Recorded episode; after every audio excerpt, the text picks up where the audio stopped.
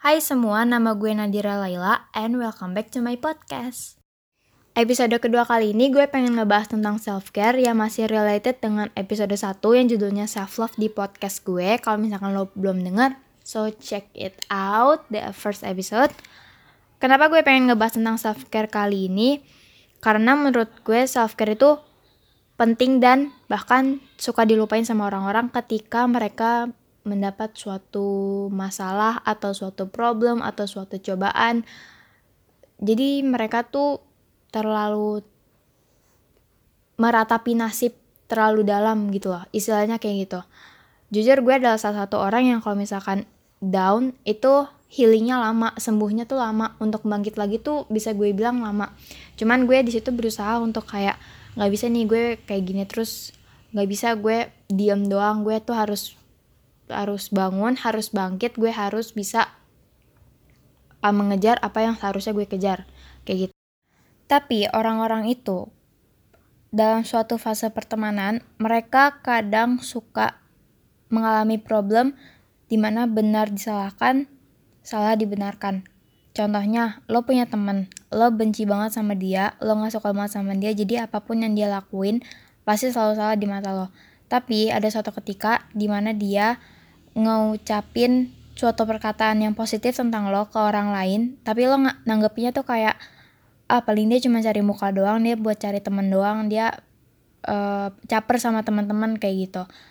Atau uh, kondisi yang lain lo punya temen baik banget tapi dia two face di belakang lo. Sebenarnya lo tahu dia tuh baik lo tahu dia nggak bakal ngelakuin suatu hal yang jahat di belakang lo Cuman tiba-tiba dia two face, dia ngomongin lo di belakang yang buruk-buruk, tapi lo nanggepinnya cuman kayak, ala paling dia cuma bercanda doang kok, dia orangnya emang sering kayak gitu. Malah lo jadi berpositif thinking gitu. Sebenarnya suuzon itu kadang juga diperluin guys di dalam pertemanan, tapi bukan untuk dipergunakan untuk yang aneh-aneh ya. Masalahnya kalau misalkan kita terus baik kepada orang lain, pasti ada aja kesempatan kita dimanfaatin sama orang. Padahal lo udah yakin banget nih teman-teman lo nggak bakal nyakitin lo, teman-teman lo nggak bakal face sama lo, teman-teman lo nggak bakal ngelukain perasaan lo.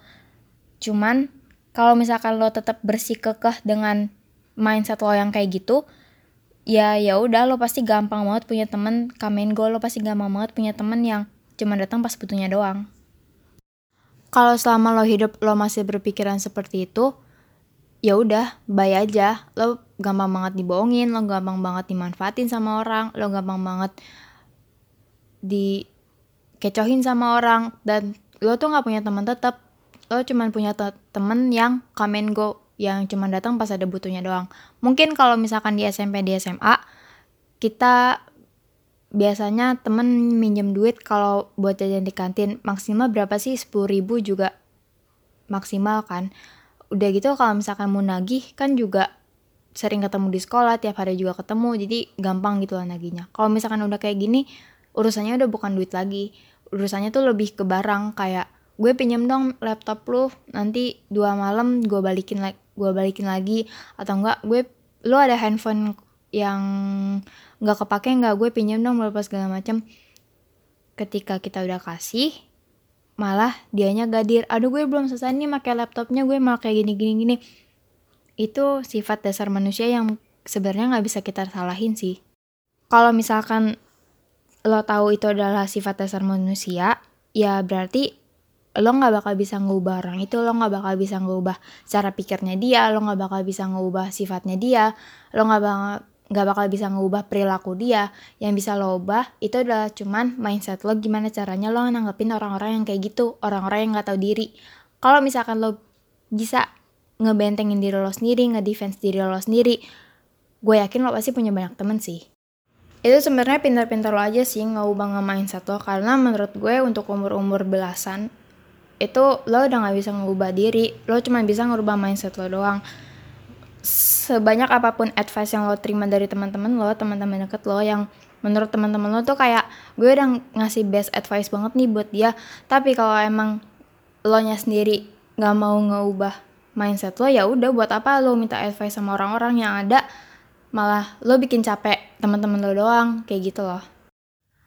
terakhir jangan pernah berhenti buat ngeapresiasi diri lo sendiri jangan pernah berhenti untuk ngehargain diri lo sendiri pokoknya semua usaha yang lo udah keluarkan untuk meraih suatu impian mau nanti di ujung jalan itu gagal atau berhasil itu urusan belakangan. Yang penting lo udah bekerja sama dengan diri lo sendiri bahwa oke okay, gue bisa nih. Pokoknya gue bakal usaha untuk meraih suatu apa yang gue mau kayak gitu. Jangan pernah kemakan sama omongan orang.